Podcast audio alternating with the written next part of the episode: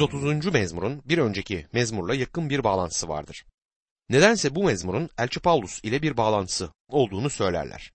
Herhalde Tanrı'nın merhametinden söz ettiği için bu böyledir. Tanrı insan için eşi görülmemiş bir şey yaptı. Onu günahın en çirkin çirkefliğinden, ölümün pençesinden kurtardı. Bunu insanın kendi işlerine göre değil, göksel merhameti ve lütfuyla yaptı. Bir kez Martin Luther'e sormuşlar. En iyi mezmur hangisidir? Luther Paulus'un mezmuru diye yanıt vermiş. O zaman Paulus'un mezmuru da nedir diye sorduklarında 32. 51. 130. ve 143. mezmurlar diye cevap vermiş. Sonra neden böyle cevap verdiğini açıklamış. Bu dört mezmur insan günahının ne şekilde bağışlandığını açıklamaktadır. Yasanın gereklerini yapmakla değil, sadece Tanrı'nın lütfuyla. Elçi Paulus Tanrı'nın lütfundan bol bol söz ettiği için bu mezmurlar ona yakıştırılmıştır. Bu mezmurun başlığı derinlerden sesleniş olarak adlandırılır. 130. mezmur 1 ila 3. ayetler arasında şöyle yazar. Derinliklerden sana sesleniyorum ya Rab. Sesimi işit ya Rab. Yalvarışıma iyi kulak ver. Ya Rab sen suçların hesabını tutsan kim ayakta kalabilir? Ya Rab diye sorar. Bu ayetleri okurken Rabbe şükrediyorum. Beni günahlarıma göre yargılamadığı için. Benim bildiğim suçların hesabını bile o saymayacak ve beni suçlarıma göre yargılamayacaktır. Benim bildiğim suçlarımın hesabını ben bile tuttuğum zaman dizlerimin bağı çözülür. Yaşaya peygamber gibi ben de vay halime diye haykırırdım. Rabbe şükrederim ki benim suçlarımın hesabını tutmayacaktır. Çünkü hepsinin cezasını İsa Mesih çarmıhta ödedi. Ona şükrederim. Tanrı bizi bu şekilde yargılamış olsaydı hepimiz yok olup giderdik. Kendi merhametinden dolayı Tanrı bizleri kurtardı. 130. mezmur 4 ila 6. ayetler arasında ama sen bağışlayıcısın. Öyle ki senden korkulsun. Rabbi gözlüyorum. Canım Rabbi gözlüyor. Umut bağlıyorum onun sözüne. Sabahı gözleyenlerden. Evet sabahı gözleyenlerden daha çok. Canım Rabbi gözlüyor der. Bu lütuf kardeşim sadece uluslar için verilmedi. Biz uluslardan gelen insanları kurtaran lütuf bir gün İsrail'de kurtaracaktır. Bir gün gelecek ki İsrail ulusunun derinlerden yükselen yalvarışını Tanrı işitecek ve onları yanıtlayacaktır. Mesih Siyon'a dönecek ve Yakup'un Tanrı saymazlığını değiştirip onları kendisine döndürecektir. Sonuçta iman eden tüm İsrail kurtulacaktır. Yazılmış olduğu gibi Romalılar 11. bölüm 26 ila 28. ayetler arasında. Sonunda bütün İsrail kurtulacaktır. Yazılmış olduğu gibi kurtarıcı Siyon'dan gelecek. Yakup'un soyundan tanrısızlığı uzaklaştıracak. Onların günahlarını kaldıracağım zaman kendileriyle yapacağım antlaşma budur. İsrailler müjdeyi reddederek sizin uğrunuza Tanrı'ya düşman oldular ama Tanrı'nın seçimine göre ataları sayesinde sevilmektedirler der. O büyük sıkıntı döneminde onları kurtarması için Rabbi İsrail bekleyecektir. Hem de nasıl bekleyecekler? Bekçi sabahı nasıl beklerse İsrail de öyle bekleyecektir. Sen ve ben kardeşim o muhteşem sabah yıldızının doğuşunu bekliyoruz. Çünkü o gelecektir. Rab İsa Mesih tekrar gelecek. Kendisine ait olanları yanına almaya gelecektir. 131. mezmunun konusu çocuksu bir iman ve iman yolcusunun basit hayatıdır. Bu yine yolculuk mezmurlarından birisidir. Kısadır ama çok değerli bir mezmurdur. Davut peygamber tarafından yazılmıştır. 131. mezmur 1. ayet şöyle der. Ya Rab, yüreğimde gurur yok, gözüm yükseklerde değil. Büyük işlerle, kendimi aşan harika işlerle uğraşmıyorum. Kutsal kitabın eski antlaşma bölümünde şöyle bir olayı okuyoruz. 2. Samuel 6. bölüm 12 ila 23. ayetler arasında. Tanrı'nın sandığından ötürü Rab Ovet Edom'un ailesini ve ona ait her şeyi kutsadı diye Kral Davut'a bildirdiler. Böylece Davut gidip Tanrı'nın sandığını Ovet Edom'un evinden Davut kentine sevinçle getirdi. Rabbin sandığını taşıyanlar altı adım atınca Davut bir boğayla besili bir dana kurban etti. Keten, efot kuşanmış Davut, Rabbin önünde var gücüyle oynuyordu. Davut'la bütün İsrail halkı sevinç naraları ve boru sesi eşliğinde Rabbin sandığını getiriyorlardı. Rabbin sandığı Davut kentine varınca Saul'ün kızı Mikal pencereden baktı. Rabbin önünde oynayıp zıplayan Kral Davut'u görünce onu küçümsedi. Rabbin sandığını getirip Davut'un bu amaçla kurduğu çadırın içindeki yerine koydular. Davut Rabbe yakmalık sunular ve esenlik sunuları sundu. Yakmalık sunuları ve esenlik sunularını sunmayı bitirince her şeye egemen Rabbin adıyla halkı kutsadı. Ardından kadın erkek herkese, bütün İsrail topluluğuna birer somun ekmekle birer hurma ve üzüm pestili dağıttı. Sonra herkes evine döndü. Davut ailesini kutsamak için eve döndüğünde Saul'un kızı Mikal onu karşılamaya çıktı. Davut şöyle dedi. İsrail kralı bugün ne güzel bir ün kazandırdı kendisine. Değersiz biri gibi kullarının cariyeleri önünde soyundu. Davut, baban ve bütün soyu yerine beni seçen ve halkı İsrail'e önder atayan Rabbin önünde oynadım diye karşılık verdi. Evet, Rabbin önünde oynayacağım. Üstelik kendimi bundan daha küçük düşüreceğim, hiçe sayacağım. Ama sözünü ettiğin o cariyeler beni onurlandıracaklar. Saul'ün kızı Mikal'in ölene dek çocuğu olmadı diyor. Unutmayalım ki Davut bir kral olduğu halde kendisini Tanrı'nın önünde alçaltmıştır. Bugün biz de kendimizi yüce Tanrı'nın önünde ve onun eli altında alçaltmalıyız. Sen kardeşim, hiç Rabbin önünde yüzüstü yere kapanıp ona tapındın mı? Çok az insan bunu yapmaktadır. Yürekten tapınışı kastediyorum ben. Geleneksel biçimde yere kapanmak değil, Rabbin önünde gerçekten kendimizi alçaltmak için eğilmekten bahsediyorum. En iyi egzersizlerden birisi budur. Ruhsal açıdan sana büyük bir yararı olacağını söyleyebilirim. 131. mezmur 2 ve 3. ayetlerde tersine ana kucağından sütten kesilmiş çocuk gibi kendimi yatıştırıp huzur buldum. Sütten kesilmiş çocuğa döndüm. Ey İsrail! Rabbe umut bağla şimdiden sonsuza dek diyor. Bu mezmurda alçaltılmış kırık bir yüreği görüyoruz. Davut peygamber böyle bir yüreğe sahipti. Tüm insan meziyetlerini bir araya toplayıp bunları gruplandıracak olursak o şahsın başında gerçek alçak gönüllülüğü Davut'ta görmekteyiz. Bu gerçek alçak gönüllülüğün önemi ve değerini öğreten pek çok ayet vardır. Bunlardan birkaç tanesini size aktarmak isterim. Örneğin 138. mezmur 6. ayet. Rab yüksekse de alçak gönüllüleri gözetir. Küstahları uzaktan tanır diyor. Ve Yaşaya 57. bölüm 15. ayette yüce ve görkemli olan, sonsuzlukta yaşayan, adı kutsal olan diyor ki, yüksek ve kutsal yerde yaşadığım halde, alçak gönüllülerle, ezilenlerle birlikteyim. Yüreklerini sevindirmek için ezilenlerin yanındayım. 1. Petrus 5. bölüm 5. ayette ise şöyle yazar. Ey gençler! Siz de ihtiyarlara bağımlı olun. Hepiniz birbirinize karşı alçak gönüllülüğü kuşanın. Çünkü Tanrı kibirlere karşıdır. Ama alçak gönüllülere lütfeder. 1. Petrus 3. bölüm 4. ayette ise gizli olan iç varlığınız sakin ve yumuşak bir ruhun solmayan güzelliğiyle süsünüz olsun. Bu Tanrı'nın gözünde çok değerlidir der. Yakup 4. bölüm 10. ayette ise Rabbin önünde kendinizi alçaltın sizi yükseltecektir diye bir buyruk vardır. Tüm bunların yanı sıra Rab İsa Mesih'in kendisi Matta 11. bölüm 28. ayette Ey bütün yorgunlar ve yükü ağır olanlar bana gelin ben size rahat veririm demiştir. Bu ayette memeden kesilen bir çocuk örneği kullanılır. Memeden kesilen, sütten kesilen çocuk artık süt için ağlamaz. Annesinin memesini emmek istemez, mızmızlanmaz. Artık doymuştur ve içinde rahattır. Annesini kaybetmedi, sadece sütten kesildi. Annesi hala yanındadır. İnsanın canı da tatminsizlikten, ihtiraslardan, kendi isteklerinin peşinde koşmaktan, bencillikten kesilip tam bir doygunluk içinde Rabbi bekler. Onda rahat ve doygunluk bulacaktır. 132. mezmurda Mesih'in Yeruşalim'de kral olacağı zamana dair bir peygamberlik vardır. Bu mezmurda yolculuk mezmurlarından birisidir. 132. mezmur ne hakkında yazılmıştır diye sorarsanız Tanrı'nın vaatlerine güvenmek konusunda diyebilirim. Bu konu içerisinde imanın çok önemli bir yeri bulunur. Bu mezmuru kimin yazdığı konusunda her zaman bazı iddialar olmuştur. Mezmurda Davut peygamberin ismi dört defa geçer ama Davut tarafından yazıldığına inanmıyorum. Delist adında bir yorumcu Süleyman'ın diline uygun bir mezmurdur diye yorum yaparken Brovne adında bir başka yorumcu da aynı düşünceyi destekler. Böyle bir durum için Süleyman'ın böyle bir mezmur yazması çok doğal sayılmalıdır.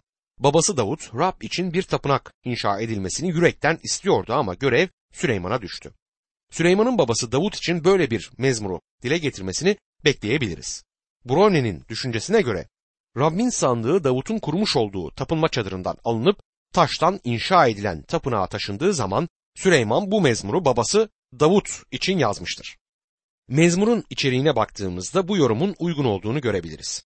Tüm mezmurlar arasında Rabbin sandığından söz eden tek mezmur bu mezmurdur. Bu bir rastlantı sanıyorum olamaz. Ancak bir noktaya açıklık getirmek isterim. Bu mezmurda Davut'un oğlu terimi kullanılırken Süleyman söz konusu edilmez. Davut oğlu İsa Mesih'e bu kelime kullanıldığı zaman işaret edilir. İsa Mesih ileride Davut'un soyundan gelecek olan Mesih'tir. Şimdi bunları göz önünde tutarak bu mezmurun ayetlerini incelemeye başlayalım. İman yolcuları şimdi Yaruşilim'e varmışlardır. Tapınağa ve tapınaktaki kutsal yere gelirler ve orada Rabbin sandığı üzerindeki merhamet kürsüsünü görürler. Tanrı'ya yaklaşabilecekleri tek yer burasıdır ve ancak merhamet kürsüsü üzerindeki kana bakarak Rab günahlarını örterdi. Mezmurun ilk beş ayeti şöyledir. 132. mezmur 1 ila 5. ayetler arası. Ya Rab Davut'un hatırı için çektiği bütün zorlukları, sana nasıl ant içtiğini, Yakup'un güçlü tanrısına adak adadığını anımsa. Evime gitmeyeceğim, yatağıma uzanmayacağım, gözlerime uyku girmeyecek, göz kapaklarım kapanmayacak.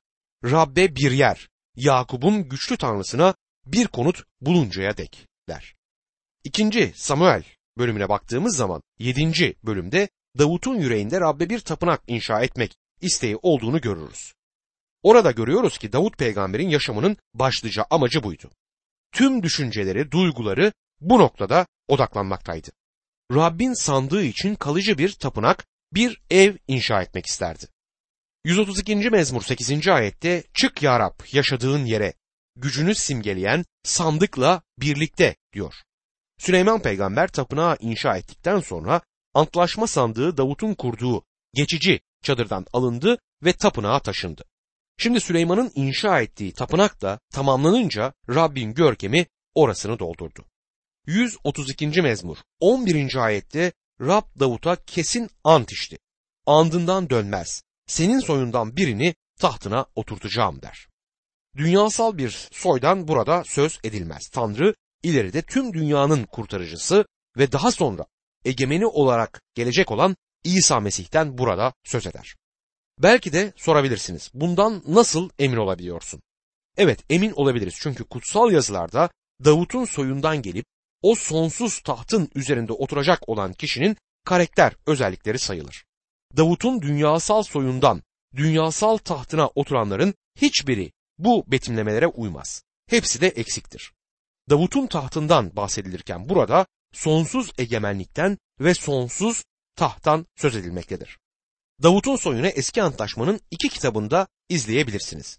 Krallar ve Tarihler kitaplarını baştan sona kadar okuduğunuzda göreceksiniz ki Davut'un soyundan tahta oturanların hepsi de günahkardır.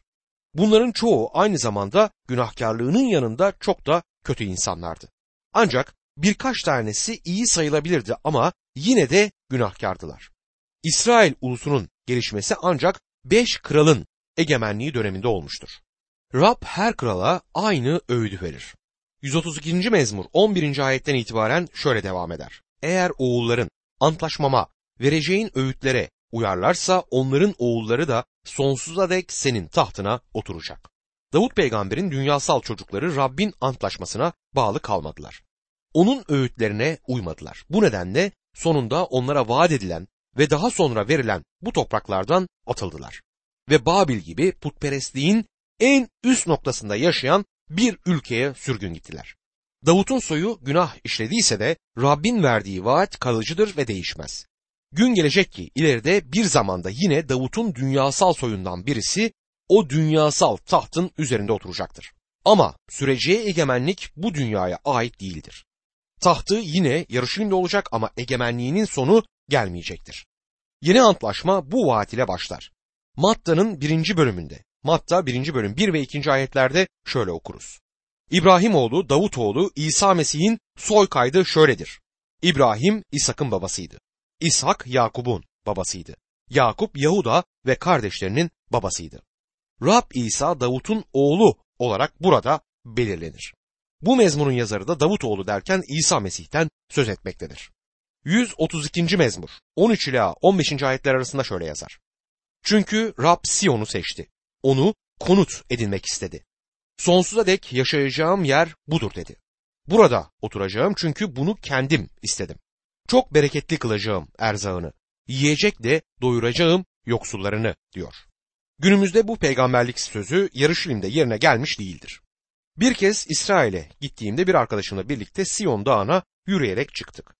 Arkadaşım dağın tepesine vardığımızda acaba buraya kadar gelmenin ne değeri var diye sordu. Ben de ona şöyle söyledim. Madem ki Davut bu dağa baktığı zaman onda bir değer gördü ve geri döneceğini söyledi, herhalde bizim buraya gelmemize değmiştir. Onlar ileride bu dağda nelerin olacağını görmüş olmalılar. Biz ise bunu iman gözüyle görebiliriz. Rivayete göre bu mezmur iman yolcuları Yarışilim'e gelip tapınağı gördükleri zaman söylenirmiş. Rab söz verdi. Halkı ile tapınakta buluşacaktı. Aslında tapınma çadırı yerine buluşma çadırı desek bence daha iyi olur. Çünkü orijinal İbranice'de tapınma çadırı değil, buluşma çadırı diye yazılıdır. İmanlarla paylaşmanın verdiği sevinç 133. mezmurun konusudur. Bu mezmur Davut'un kademeli ezgisidir. Bu mezmur kısadır ama değerli bir taş gibidir. Buna kardeşlik ezgisi de denilmektedir. Mezmuru okurken neden bu ismin verildiğini anlamaktayız. Gerçekten kardeşliğin değerini belirten bir mezmurdur. İman yolcusu ailesiyle çocuklarıyla Yaruşilim'e gelir ama aynı zamanda yakın arkadaşları da onunla birlikte gelmişlerdir. Şimdi Yaruşilim'e vardılar ve sevinç içerisinde Rab'de olan paylaştığın tadını çıkartırlar. Unutmayalım ki bu iman yolcuları o zamanın bilinen dünyasının dört bucağından kalkıp Yaruşilim'e gelen kişilerdi. Bulundukları yerlerde aynı inanca sahip olmayanların baskısı altında onların hakaretlerine hedef olarak yaşamaktaydılar. Şimdi kendi uluslarına ait aynı inancı paylaşan insanlarla bir arada bulunmak onlar için dille anlatılamaz bir sevinç kaynağı olmuştu. Kendi soydaşlarıyla ve kardeşleriyle Tanrı'ya tapınmak için bir araya gelmişlerdi. 133. mezmur 1. ayette ne iyi, ne güzeldir birlik içinde kardeşçe yaşamak der. Mesih imanları için uyum içinde yaşamak bir seçenek değil, bir gerekliliktir. Bunu yapmalıyız ve ruhun birliğini esenlik bağları içerisinde korumalıyız. Efesler 4. bölüm 3. ayette ruhun birliğini esenlik bağıyla korumaya gayret edin diyor Tanrı sözü bize. Mesih imanları Mesih İsa'da birdir. Değerli kardeşim sen Mesih İsa'ya iman etmiş biriysen senin görüş açını benimseyen imanlarla gruplaşıp diğer imanları dışlamamaya gayret göstermelisin. Birçok insan küçücük bir gruba ait olmayı yeğlemektedirler. Buna karşı diyecek hiçbir şey yok ancak bu küçük gruba başkası girmek isterse onu dışlamamalıyız.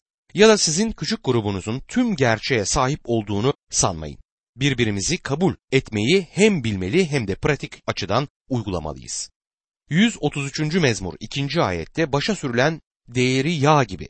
Sakaldan Harun'un sakalından kaftanının yakasına dek inen yağ gibi diye tanımlar. Musa'nın abi Harun ilk başkahin olarak atanırken onun başının üzerinden yağ dökülmüştü yani görev için mesedilmişti. Mesediliş yağı Harun'un başından aşağıya doğru sakalına akarken bu sahne ortaya çıktı. Burada yalnızca Harun'dan değil daha ileriye bakarsak Rab İsa Mesih'ten söz edildiğini görürüz. Birisi bu ayet hakkında bu sözlerde gül kokusu duyuyoruz dedi. Söze edilen yağ aslında bir çeşit parfümdür. Kullanılışı mesedilen kişinin Tanrı'ya ayrıldığını ve ona hizmet edeceğini, başkahin olarak Tanrı önünde hizmet vereceğini resmederdi. Fazla hayal gücü kullanmaya gerek yok. Burada Rab İsa Mesih'in güzel bir resmi bu sözlerle çizilir. Rab İsa yalnızca kral değil aynı zamanda başkahinimizdir. 45. mezmurda onun bu görev için mesedildiği yazılmaktadır. 45. mezmur 7. ayette doğruluğu sever, kötülükten nefret edersin. Bunun için Tanrı, senin Tanrın seni sevinç yağıyla arkadaşlarından daha çok mesetti diye yazar. Hezekiel peygamber Hezekiel 39. bölüm 29. ayette onlardan bir daha yüzümü gizlemeyeceğim çünkü İsrail halkı üzerine ruhumu dökeceğim. Egemen Rab böyle diyor diye yazar. Hezekiel bu sözüyle geleceğe bakar ve Harun'un başı üzerinden aşağıya sakalına akan yağ gibi Tanrı'nın kutsal ruhunun insanlık üzerine döküleceği vaadini hatırlatır. Yeni Antlaşma bölümünde elçilerin işlerinde Yoel peygamberden aktarma yapılırken yine bu düşünce dile getirilmişti. Yoel peygamberin aracılığıyla verilen vaat aslında Pentikost gününde yerine gelmiştir. İleride bir gün gelecek ki Tanrı kutsal ruhunu tam doluluğuyla İsrail'den kalan imanların üzerine sağanak gibi dökecektir. Günümüzde Mesih'e iman eden kişi kutsal ruh ile onun bedenine vaftiz edilir. Evet bugün Rab İsa Mesih bizim başkahinimizdir. İmanlardan oluşan kilise topluluğunun başıdır. Madem ki durum böyle o zaman onun bedeninde sağlanmış olan birliği esenlik bağlarıyla korumaya gayret etmeliyiz. Biz kutsal ruhun sağladığı birliği yeniden sağlayamayız ama onu koruyabiliriz. Yazarı bu mezmuruna son verirken iman kardeşlerine şöyle seslenir. 133. mezmur 3. ayetti. Hermon dağına yağan çiğ Siyon dağlarına yağıyor sanki. Çünkü Rab orada bereketi, sonsuz yaşamı buyurdu. Küçük ama değerli bir mezmurun sonuna geldik. Dağların doruklarında bizi sanki yazar bırakmıştır. Hermon ve Siyon dağları üzerinde yaşam bolluğu içinde kendimizi görürüz. Gerçekten güzel bir mezmur. 134. mezmurda iman yolcusunun son övgü ilahisini görüyoruz. Bu iman yolcusunun yolculuğunda söylediği son mezmurdur. Yolcu varacağı yere vardı ve şimdi tapınacaktır. Onunla birlikte diğer iman yolcuları tapınakta durur ve hep birlikte seslerini övgü ve tapınış nameleriyle yükseltirler. Bu mezmurda muhteşem bir amin sesini duyarız. Hem de tam üç kez. 134. mezmur 1 ve 2. ayetlerde Ey sizler Rabbin bütün kulları Rabbin tapınağında gece hizmet edenler ona övgüler sunun. Ellerinizi kutsal yere doğru kaldırıp Rabbe övgüler sunun der. Yine hatırlatmak isterim. Bu iman yolcusu dünyanın başka bir yerinden iman etmeyen insanların arasından kalkıp gelmiştir. Yaşadığı ülkede baskı altında yaşamaktadır. Orada inancından dolayı ona kuşkuyla bakarlar. İnsanlar onu eleştirdiler, onun hakkında kötü konuştular ve ona iftira üstüne iftira attılar. Bulunduğu mahallenin insanları iyi değillerdi. Şimdi Yarışlim'e vardı. Rabbin tapınağında kutsal yerde durup ellerini göğe açar ve Rabbe şükürler sunar. 134. mezmur 3. ayette yeri göğü yaratan Rab kutsasın sizi Siyon'dan der. İman yolcusu Rabbe tapınırken onu yüceltirken Rabbin kutsaması altında olduğunu bilir. Rab'den bereket umar ve alacağı için de sevinir. Bu kısa mezmunun sözleri gerçekten yüreğimize huzur vermektedir. Bu sözleri kendi tapınma zamanımızda kullanmalıyız. Burada bir öneride bulunmak isterim. Umarım sizler için yardımcı olacaktır. İman hayatında uzun yaşamak ve sonunda olgun bir yaşta Rabbe olan hizmetin kısıtlanmasıyla elde olan fazla zamandan dolayı insanlara tapınma konusunda ne yapmaları gerektiğini söylemek her zaman hoş gelmez. Ama yine de vereceğim öğüdün yararlı olacağını umuyorum. Emekliye ayrılan vaizler var mı bilmem. Batı dünyasında ve Amerika'da kesin olarak emekliye ayrılan vaizlerin olduğunu söyleyebilirim. Bu insanlar geçmiş yılların tecrübesi ve birikimi içinde suskun kalamazlar. Yaptıkları hataların genç çobanlarca tekrarlandığını görmek onları çileden çıkarır. Bakarlar kendileri gençken tapınma zamanı kalıplaşmış, kemikleşmiş bir şekil almışlardır. Şimdi düşünürler. Keşke daha serbest bir tapınma zamanını organize edebilseydi. Ama emekliye ayrıldıkları için bunu yapacak toplulukları yoktur. O zaman ne olur? Başkalarına akıl hocalığı yapmaya başlarlar. Yine de orta yaşı geçmiş bir çoban olarak fikrimi söylemek isterim. Tapınma zamanı kalıplaşmış şekilde sürdürülmemelidir. Tabii ki herkes istediğini yapamaz.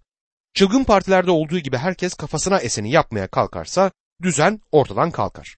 Yine de kutsal ruha bir özgürlük verilmelidir.